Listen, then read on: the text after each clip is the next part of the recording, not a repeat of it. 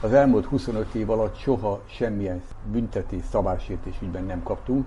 Próbálkozás volt a rendőrség részéről, bevittek, elvették az ászlót, feljelentettek garázdaságért, minden egyéb másért, de mindegyik dolog úgy végződött érdekes, hogy ezek teljesen ártatlanok, és ez igaz is. Mert önmagában egy Tibet zászlót felmutatni, vagy esetleg elkújongatni azt, hogy Free Tibet, hát ez nem bűn sehol, illetve hát van ahol bűn, de az nem úgy hívják, hogy Európa. Egy jól menő vállalkozó elégedetlen az életével, és spirituális útkeresésbe kezd. Rátalál a tibeti buddhizmusra, és a 90-es évek elején létrehozza a Tibetet segítő társaságot, tibeti híroldalt indít, létrehoz egy közösségi központot, és minden ide látogató kínai vezető budapesti útvonalán megpróbálja kibontani a tibeti zászlót. A selfie Mahendrei Tiborról, a Tibetet segítő társaság elnökéről szól. Mennyire határozza meg a mindennapjaidat, a hétköznapi életedet az, hogy buddhista vagy? Itt ülünk a Sambalában, az általad évtizedekkel ezelőtt létrehozott és azóta vezetett szervezet a Tibetet segítő társaságnak a központjában, reggel 10 órakor. Ma reggel hogyan jelentkezett az életedben a buddhizmus? Hát a buddhizmus nem jelentkezik, hanem az folyamatosan benne van éjjel-nappal. A buddhizmusnak vannak olyan gyakorlatai, olyan módszerei, amik tulajdonképpen 24 órások, és az ember ebben válik hitelessé, úgy így mondjam. Ez nem egy olyan program, amit előveszek, mert templomba megyek, és akkor imádkozok, és kijövök, és utána folytatom az életemet, hanem ez egy 24 órás ügy. És ez nagyon fontos, és az az igazi buddhista úton járó, vagy az a hiteles szemléletet követő ember, aki így gondolkozik. Tehát nekem is a buddhizmus éjjel-nappal reggeltől estig jelen van az életemben. Számos figyelmeztető jel, belső hang. Bels... reggel fölébredsz, és akkor mi történik? Hát reggel felébredek, kinyitom a szemem, ez az első. Az a szemlélete, hogy kinyitom a szemem is, hogy ránézek a világra aznap reggel, az már tulajdonképpen maga a buddhizmus. Az a nevezem így most, hogy optimizmus, az a rálátás, az az energia, az a szemlélet, az a nem csak családtagokhoz, hanem mindenkihez való hozzáállás, akikkel reggel esetleg találkozom. Ez reggeltől egészen lefekvésig nyomon követ, sőt, hát ugye a buddhizmuson belül vannak különböző álomgyakorlatok, amik még azt is lehetővé teszik, hogy az alvás időszaka nem maradjon ki a gyakorlásból, az alatt is az ember fejlesz a saját tudatállapotát, tréningezze. Vannak olyan gyakorlatok, amik alvás és álom közben is elősegítik a dharma megerősödését. Ez fontos. Mi a dharma? A dharma maga a tan, amit követünk is maga a tan. Tehát a tan nagy tébetűvel. És azt mondod, hogy tréning, tréning, tréning a hétköznapi európai gondolkodásban a tréning az mindig valami cél érdekében kifejtett erőfeszítés. Itt mi a cél, ami miatt folyamatosan tréningezel? A tudat tréningezése, a tudat gyakorlatai. Itt a cél az, hogy az ember egy megfelelő, magas szintű, univerzális, vagy hogy tetszik, kozmikus tudatállapotba kerüljön, ami jóval fejlettebb, mint amit manapság megélünk a számszárába, a létesülés körforgásában, ahol mindenféle érzelmek, ügyek, bajok, fájdalmak, örömök érnek minket. A tudatnak egy magasabb szintjében ezek az érzelmi szintek eltűnnek, és az ember nagyon, mondom azt, hogy objektív, egy nagyon belső, igazi önvalót megtaláló állapotba kerül, és ebben az állapotban éli le az életét. Mert a buddhizmus arról szól, hogy saját magunkon belül jelen van ez a megvilágosodott buddha állapot, de ezt valahogy eltakarják a felhők, eltakarják a számszarikus problémák, és ezt kell megtalálnunk magunkban. Ez azt jelenti, hogy egy kicsit föloldódik az individuumod, az énednek a határa, vagy az, az továbbra is ugyanolyan éles? Talán nem az individuum, egy... talán az ego teljes mértékben feloldódik. Itt mi a különbség? Az individuum az talán mégiscsak az, aki itt vagyok, velem beszélgetsz, létezek, nem lehet rám mondani, meg rád sem, meg senkire, hogy nem létezik, valahogy érzékelhető. Az ego meg az a valaki, aki saját magunkon belül mindig adja a tanácsokat, a rossz tanácsokat, hogy így csináld, úgy ne csináld, ezt ne hidd el. Mondhatni azt a keresztény hasonlattal, az ördög. Nagyon nem jó hasonlat, tehát ez mindenkitől elnézést kérek, hogy felháborodjanak a buddhisták, de mégiscsak tulajdonképpen arról van szó. Ez a kis ördög végig kíséri az életünket, és elsősorban a ránk nehezedő számszarikus, karmikus terheket, ő irányítja a különböző felfokozott érzelmi állapotokból adódó cselekedeteket, ő irányítja. Tehát egy nagyon rossz tanácsadó, és nagyon ügyes, nagyon nehezen lehet gyakon csípni. Számos buddhista gyakorlat ezt a célt szolgálja, hogy ezt az egót levágjuk megszüntessük, visszanyomjuk.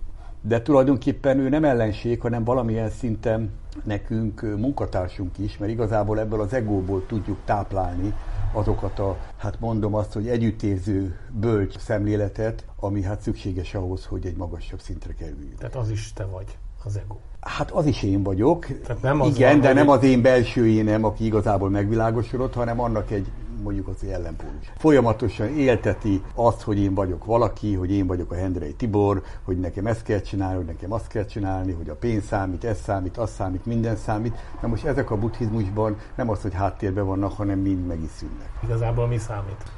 Hát én azt mondom, és nem vagyok vele egyedül, hogy igazából az együttérző szeretet számít. Tehát az a fajta viselkedés számít itt a Földön, az emberi létben, amivel a többi embert, a többi érzőlényt, érzőlényről beszélek, és nem csak az ember érzőlény, hanem az állatok is, az emberek is, vannak bizonyos szellemlények, tehát fizikai valóságon kívüli lények, ezek irányában az együttérző szeretet, és ezeknek a segítése, ami igazán számít. Persze az út azért sokkal bonyolultabb, rögösebb, mert hát életünk folyamán rengeteg sok mindennel találkozunk, de a valódi boldogságot, és ebből a szempontból itt ellenmondok egy kicsit az egóval, hiszen a boldogságot arra törekszem, hogy magamban oldjam meg, én legyek boldog, de ez a boldogság, hogy a Dalai Láma is mondta, egy sokkal magasabb szintű, spirituálisabb boldogság, magasabb intelligencia szinten működik, és úgy vagyok boldog, hogy közben a másik ember is boldog. Ez azért nem olyan egyszerű megvalósítani.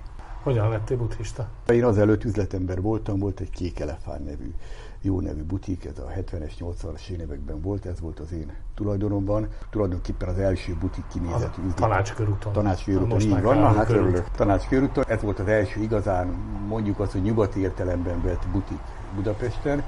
Azt évekig csináltam, nagyon jól ment, nagyon sok pénzt tudtam vele keresni, hírneve is volt, dicsőség is volt, de valahogy nem elégített ki azt, hogy most ezerből 2000, 2000-ből 5000, ez a mókuskerék semmi bajom nem volt. Tehát sem egzisztenciálisan, sem egészségileg más utak fele próbáltam megnyílni. Először az ezoterikus grádicsokat végigjártam, asztrológiát tanultam, különböző jó módszereket, természetgyógyászatnak különböző fokozatait elsátítottam, és ez mind beletorkollott a magyar ős hagyomány megismerésébe, akkor jártam Pap Gáborra és még más előadókra, és akkor egyszer csak meghallottam egy buddhista előadást, egész pontosan Mireis Lászlótól, és utána az az érzésem volt, hogy na, itt van nekem keresni való, ez az én helyem. Elkezdtem tudatosan keresni a buddhista megoldásokat, hallgattam buddhista előadásokat, aztán utána megalakult a Tankapja Buddhista Főiskola, ennek ugye egyik alapító tagja is vagyok, 108 alapítója van, ezek közül az egyik én vagyok.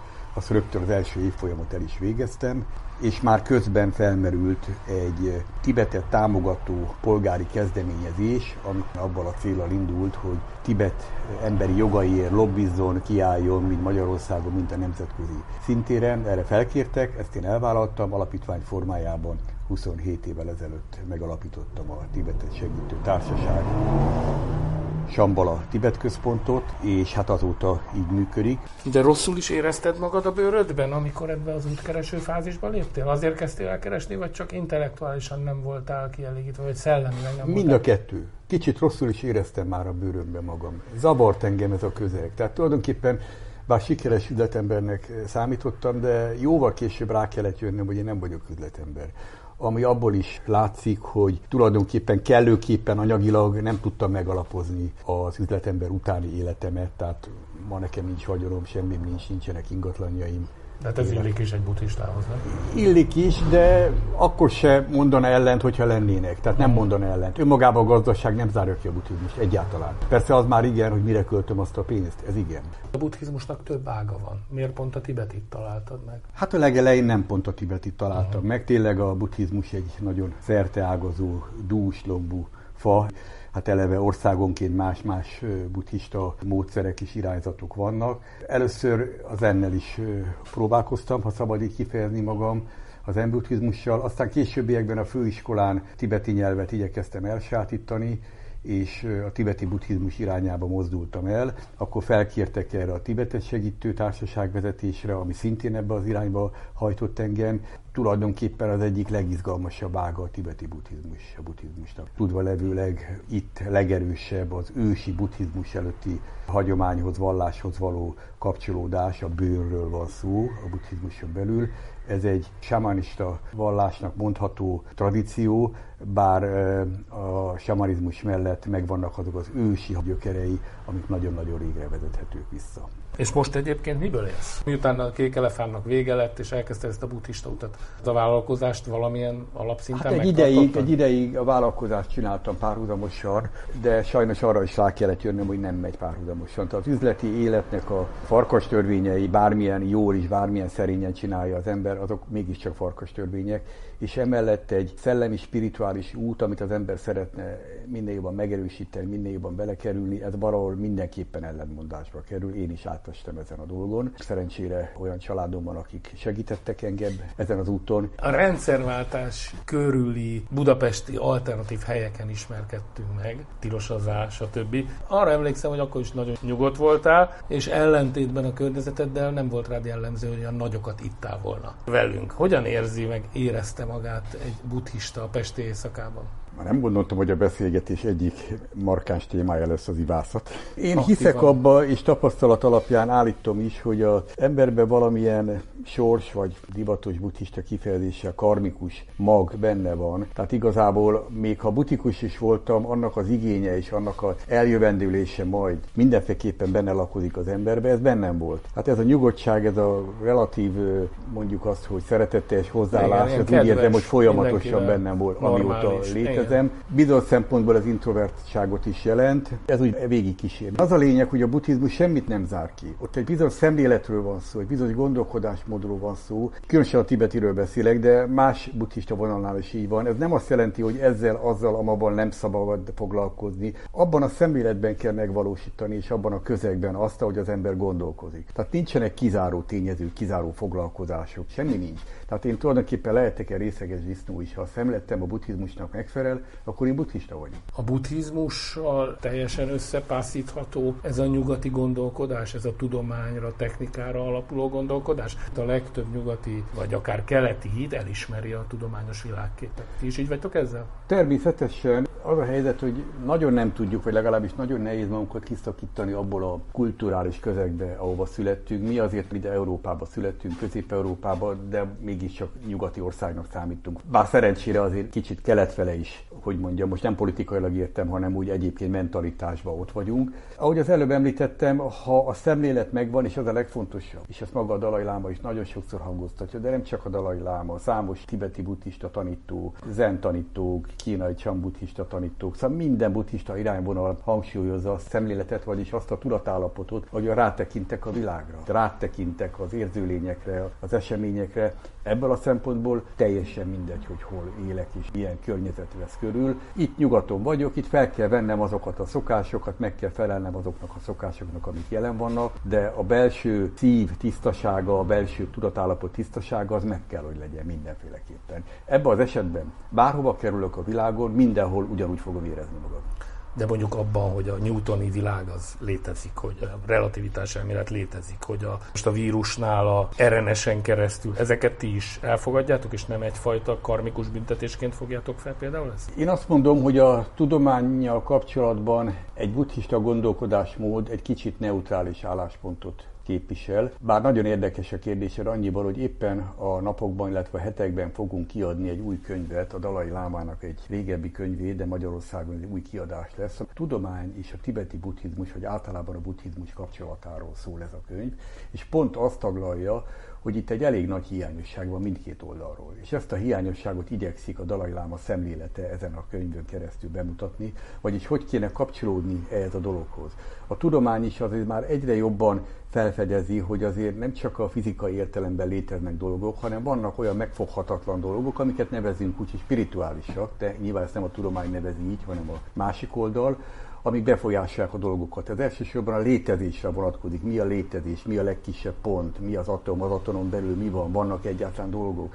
A buddhizmus ugyanezt taglalja. És ennek a kettőnek a közös munkából eredő találkozása nagyon fontos lenne, és mindenkinek ajánlom ezt a könyvet, egy pár héten belül meg fog jelenni. Olvassa el, mert ez a jövő. Tehát ha mind a kettő beragad a saját módszerébe és a saját kutatási metódusába, akkor ez mindig külön fog válni, és nem lesz az emberiség hasznára. Szedsz azért gyógyszert? Elmész orvoshoz, ha bajod van? Hát nézd, én személy szerint vegetárius vagyok 45 éve, nem szerek gyógyszert, orvoshoz nem mondom, hogy nem voltam életemben, de nagyon-nagyon ritkán járok. De ez egy elvárás minden buddhista Nem, ilyen? semmilyen elvárás nincs. Igen, semmilyen elvárás, semmilyen elvárás nincsen. nincsen Nehéz elvárások. megfogni. Csak belső út van a buddhizmusban, de külső elvárás nem létezik. Belső elvárás az ember felállíthat magának, ha akar. Nem vagyok benne biztos, hogy az is megfelelő út lenne a buddhizmuson belül, de külső elvárás nincsen ez ügyben. Mondtad, hogy vegetáriánus vagy, de közben azt olvastam, hogy a tibeti buddhizmus ellentétben a buddhizmus más területeivel engedélyezi bizonyos húsfajtáknak a megevését, elsősorban azért, mert ott nagyon rideg körülmények között, kevés növény között 5000 méter magasban élnek. Mint már mondtam, nincs elvárás hússebéssel kapcsolatban sem, és nem is engedélyezésről van szó, ez talán nem a legjobb szó, hanem a tibeti környezet, a magas fensík, a zord időjárás teszi azt, hogy a húsevés tulajdonképpen Tibetben kötelező, nem tudnának életben maradni az emberek. Vannak más buddhista irányzatok, a dél-kelet-ázsiai buddhista, ahol vegetáriusok. A tibeti buddhista kultúrkör, vagyis a mongol, a tibeti és az ehhez kapcsolódó területek, azok mind húsevők. Persze ismerek tibeti vegetárius embert, Hát nehezen bírja, mert genetikusan és egyébként már úgy van beállva a szervezete, hogy neki szükséges a hús. De nagyon érdekes, a Samdong Rinpoche, ez az utolsó láma miniszterelnök Tibetben, most már nem lámák a miniszterelnökök, hanem inkább politikusok. A Samdong Rinpoche 2004-ben meghívtuk Magyarországra, mi vendégünk volt, és ővel folytattam egy beszélgetést a vegetárizmusról, és ő elmondta, hogy a tibetiek nagy tragédiája, hogy húsevők számomra döbbenetes mondat volt, kifejti hosszasan, hogy miért, hogy miért kerültek ebbe a helyzetbe, mert tulajdonképpen arról van szó, hogy elvesztették az országokat. És az valamilyen szinten karmikus szempontból is felfogható, hogy hogy jutottak ide. Aztán van olyan felfogás is, ami azt mondja, hogy milyen jó, hogy ide jutottak, mert ebben a világ széles körben megismerte a buddhizmust, kapott egy dalajlámát, aki messze már nem csak Tibetért dolgozik, hanem tulajdonképpen az egész emberiségért szólal meg. Tehát vannak nem csak relatív, hanem abszolút értelemben is nagy előnyei. A Dalai Láma az ugye egyszerre egy spirituális vezetője a közösségének, másfelől meg közjogi funkciója is van, mint egy államot, egy nem létező államot, vagy ideiglenesen nem létező államnak is a vezetője. Egy kicsit helyre raknád ezt, hogy ki is ő valójában? Hát Tibetben eredendően teokrata országról beszélünk, ahol egy király uralkodott, és az a Dalai Láma. Alapvetően hagyományosan a tibeti uralkodó, a király, a Dalai Láma, és a vallási vezető Tibeten belül a Pancselláma. Csak miután a Pancselláma, hogy mondjam, elhalálozott, mert a kínaiak kicsit rásegítették ebbe a folyamatban. Ezután a Dalai Lámára maradt mind a két feladat, részben a világi és részben a spirituális vezető is. Mára ugye a Dalai Láma egy száműzött király, így is felfoghatjuk, és egyben ő vezette a száműzött tibeti közösséget. Aztán a későbbiekben, nem olyan nagyon régen, tíz éve, ő teljes mértékben kilépett a politikai életből, legalábbis megnyilvánulásokban. Természetesen nagyon hallgatnak az ő szavára, bármit mond a tibeti közösségről beszélek elsősorban, és az új, azóta demokratikusan megválasztott, öt évenként megválasztott miniszterelnökről beszélek. Így a Dalai Láma fokozatosan egy olyan remélem senki nem érti félre, olyan világpolgárá vált, akit mindenhol a világon egész szívesen fogadnak. Másrészt olyan hozzászólásai, olyan tanácsai vannak, olyan a világ menetével, az emberiséggel kapcsolatos fontos megjegyzései és bölcsességei vannak, amit mindenki nagyon szívesen hallgat, és mindenki nagyon szívesen követ. Független attól, hogy tibeti buddhista vagy nem, számtalan keresztény barátunk van, akik nagyon keresztények, és nagyon-nagyon szeretik a Dalai Lámát, tehát nem mond ellen.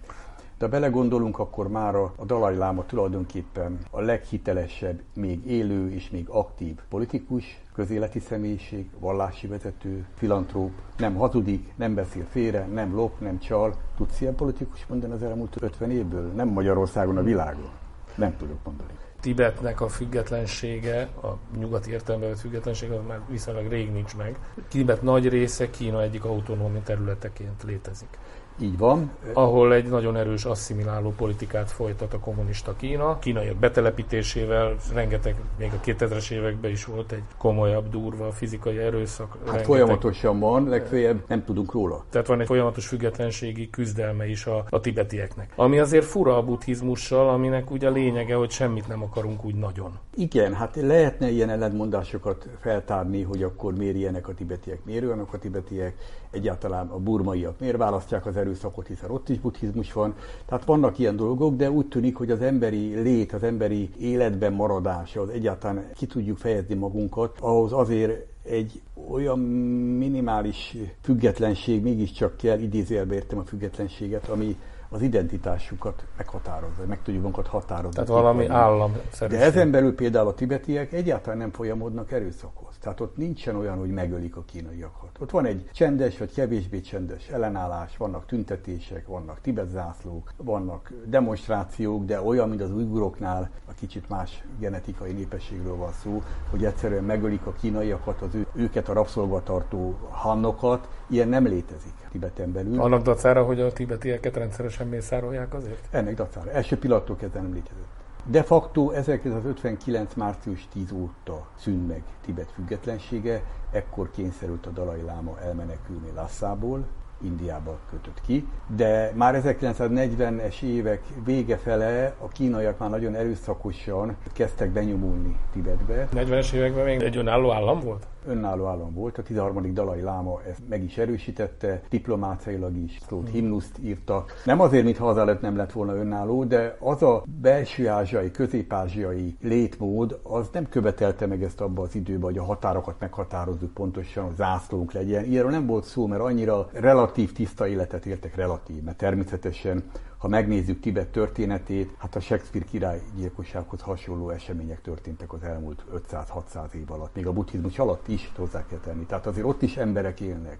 Nem azt jelenti, hogy Tibetbe szentek, angyalok élnek. Ugyanolyan emberek élnek, mint máshol, de mégis az össz nyájszellemű átalakulás az megtörtént az elmúlt évszázadokban. Még annyit szeretnék mondani, hogy a kínaiak több évszázada pályáznak Tibetre, kínai császárok mindegyik szerette volna valamilyen módon magához csatolni, de mint említettem, a határok nem voltak olyan élesek akkor, mint most, már mint az ország határok, ezért egy ilyen vazarusi kapcsolat alakult ki Kína és Tibet között, ami tulajdonképpen kisebb nézeteltérések ellenére működött. Az igazán durva beavatkozás és a kegyetlen mészárlás a kínai kommunisták megjelenése után, vagyis Mao Zedong megjelenése után történt. Visszatérve rád, az miért nem volt neked elég, hogy megtaláltad a saját szellemi utadat? Miért akartál egy civil szervezetet is? Ennek van politikai aktivitása ennek a szervezetnek. Egyrészt nem akartam, hanem felkértek rá. Én ezt mind viszonylag friss, spirituális úton járó és tibeti buddhizmussal foglalkozó embert megköszöntem és elvállaltam. Megmondom őszintén nem tudtam pontosan, mit vállalok el, mi a feladat. Még azt is hozzáteszem, hogy lehet, hogy ma el se vállalnám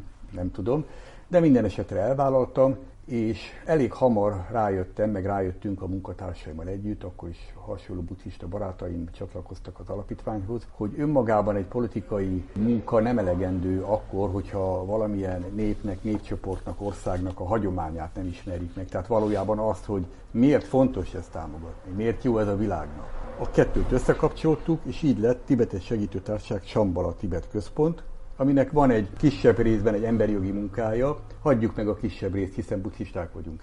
És a nagyobb rész egy jóval spirituálisabb szellemi munka, ami a buddhizmus, meg a bőn, meg egyéb buddhista irányzatok bemutatásában mutatkozik meg. Ez a munka folyik most itt a Sambala Tibet központban.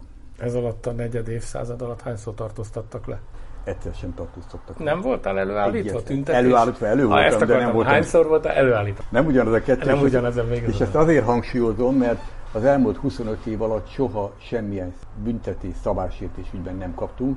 Próbálkozás volt a rendőrség részéről, bevittek, elvették az ászlót, feljelentettek garázdaságért, minden egyéb másért. De mindegyik dolog úgy végződött érdekes, hogy ezek teljesen ártatlanok, és ez igaz is. Mert önmagában egy Tibet zászlót felmutatni, vagy esetleg elkújongatni azt, hogy Free Tibet, hát ez nem bűn sehol, illetve hát van ahol bűn, de az Na, nem úgy hívják, hogy Európa. Ezért nem lehet valakit megbüntetni. Sőt, odáig fajulnak ezek általában ezek a őrizetbevételek, vagy ezek az akciók a rendőrség részéről, hogy mi bepereljük a rendőrséget. Nem is azért, mert föltétlenül egy újabb megnyerést szeretnénk a kalapunkra tűzni, nem is azért, hogy kártérítést kapjunk, hanem úgy érezzük, hogy abban fejeződik be az az akció.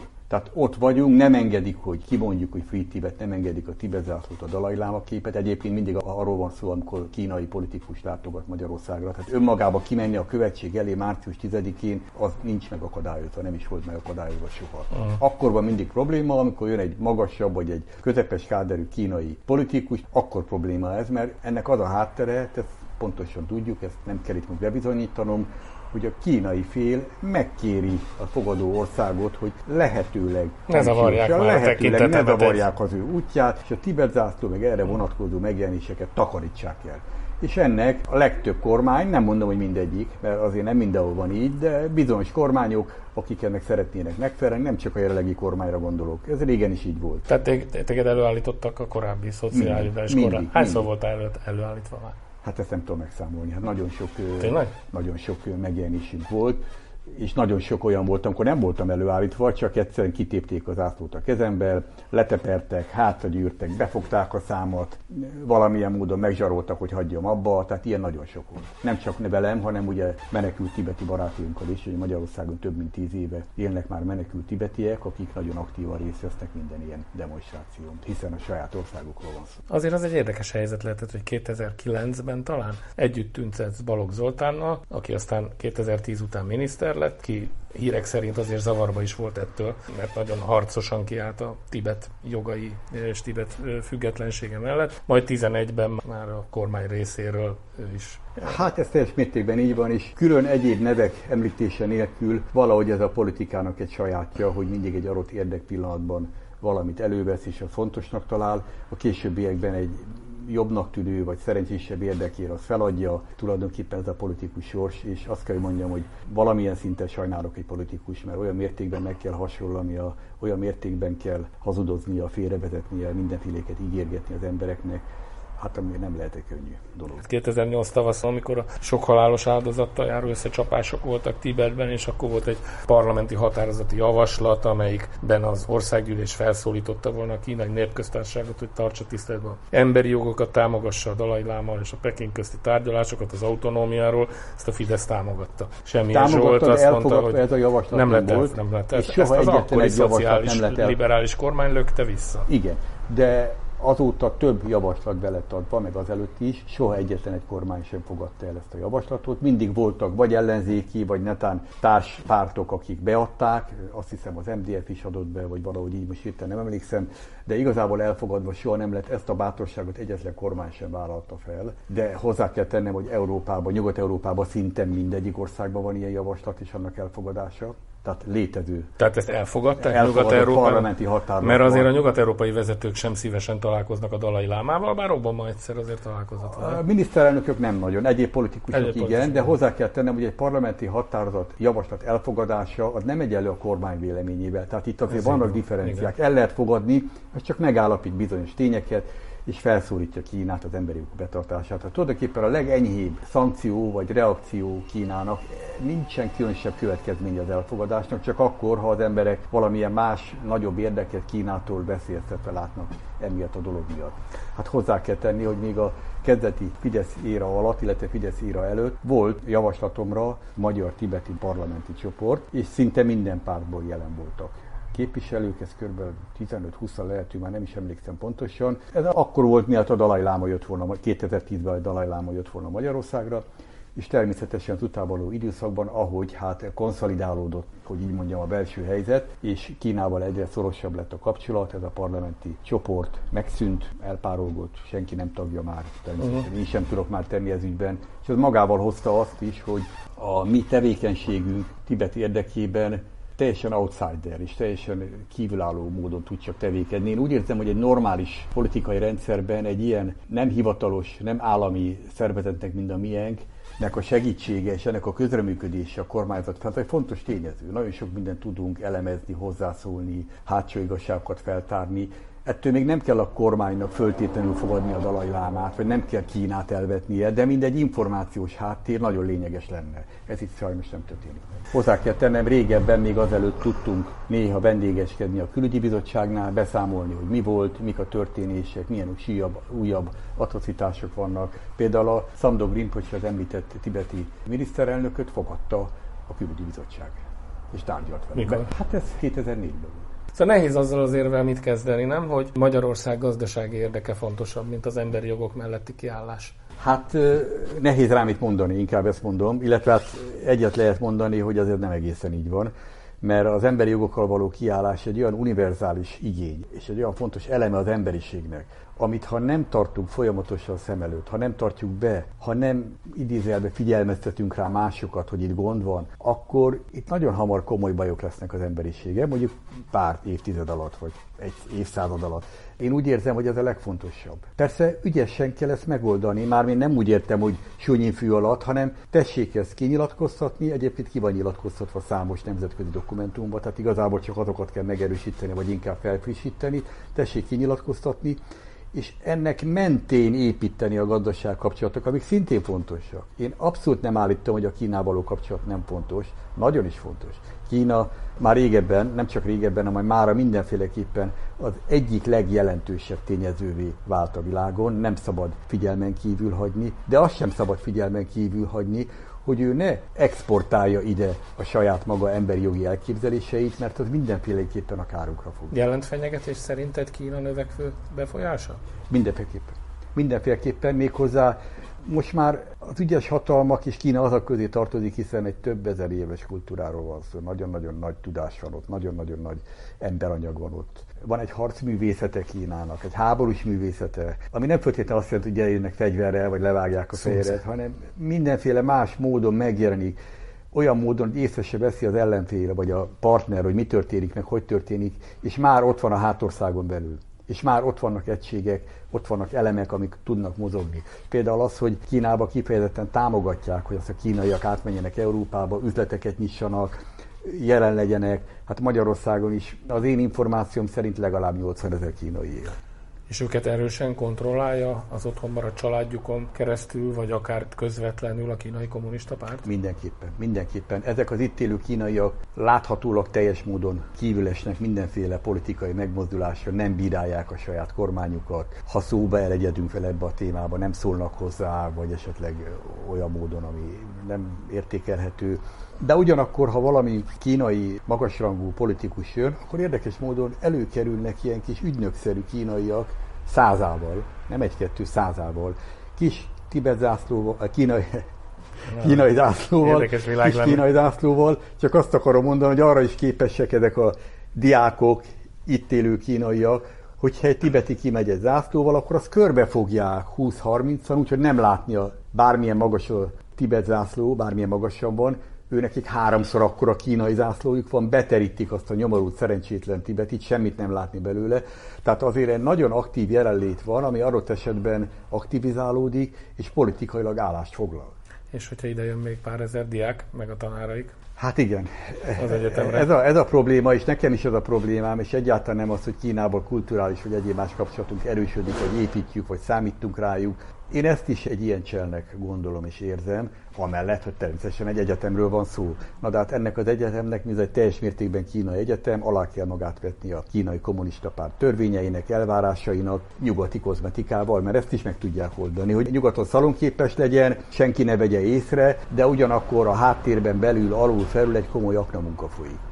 Te beutazhatnál Kínába? Nem tudom ebben Próbál, a pillanatban. Nem Kínába nem próbálkoztam bemenni, Indiában természetesen voltam, Tibetben nem voltam, bár hozzá kell tenni egy jó 15 éve, még a régi helyen voltunk a Lőrinc Paptéren, Tibetes Segítő Társaság, egyszer csak kaptam egy telefont, hogy 10 perc múlva itt van nálam a kínai nagykövet, és valóban meg is jelent. A kínai nagykövet nagyon kedves volt, udvarias volt, hozott egy ajándékot, az ajándék az, az volt, hogy valami kis dobozba valami kis tücsök, nem, egy dobozba egy kis egér volt, és valami macska azt az egeret ott, ott vegzálta. Egy ilyen kis kínai kis... Áthallásos. Mind, mindenféleképpen az, meg kaptam már, nem tudom, még, még valami könyveket kaptam, és ott eltöltött egy másfél órát, nagyon kedvesen, nagyon udvariasan, végig azt taglalta, hogy hát mennyire tévedésbe vagyunk mi, mennyire rendben van minden. Tibetbe milyen sok jót tett Kína Tibetér, és hogy nem érdemes ezért harcolni, és hát ő meghív engem Tibetbe, menjek ki, járjam végig, ők majd segítenek körbejárni az országot, és akkor meg fogom látni, hogy mennyire jó minden. Ezt a lehetőséget megköszöntem, de nem mentem Tibetbe.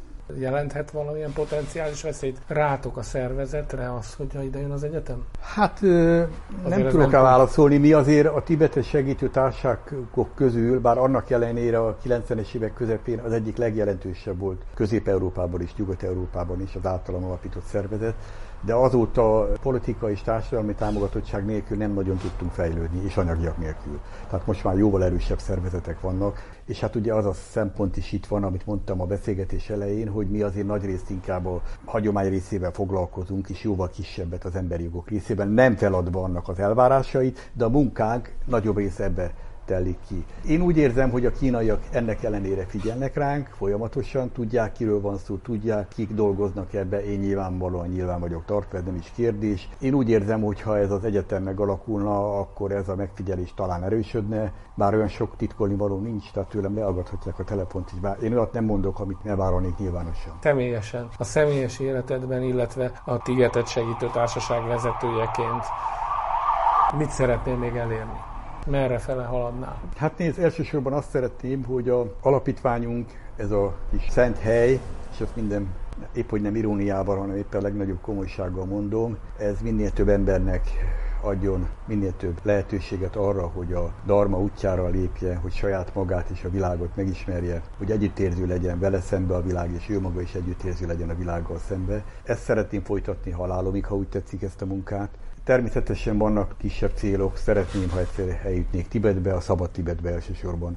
Bár önmagában a spirituális turizmust, meg akár free Tibet turizmust önmagában nem tartom olyan nagyon fontosnak. Ahol az ember él, ott is tud tenni ezért a dologért elég sokat. Ez is talán jó lenne, hogyha a Dalai Láma egyszer visszalátogathatna már Tibetbe, vagy akár ott is maradhatna, de ennek elég kicsi a valószínűsége. Én úgy érzem, hogy ez egy elvállalt munka, ez egy hitvallás, amit én elvállaltam Tibet segítségére. Ezt fogom folytatni az elkövetkező időkben is, addig, ameddig lehetőségem, erőm és lehetőségem van rá. De mondom még egyszer, a legfontosabb az együttérző szeretet gyakorlása és annak a bemutatása az emberek számára. A Selfie-ben, a Szabad Európa podcastjában Hendrei Tibort hallották, aki a Tibetet segítő társaság Sambala Tibet központ alapítója és vezetője. Akit jobban érdekelen nép és a vallás, az folyamatosan friss híreket talál a központ oldalán a tibet.hu-n. Kerényi Györgyöt hallották.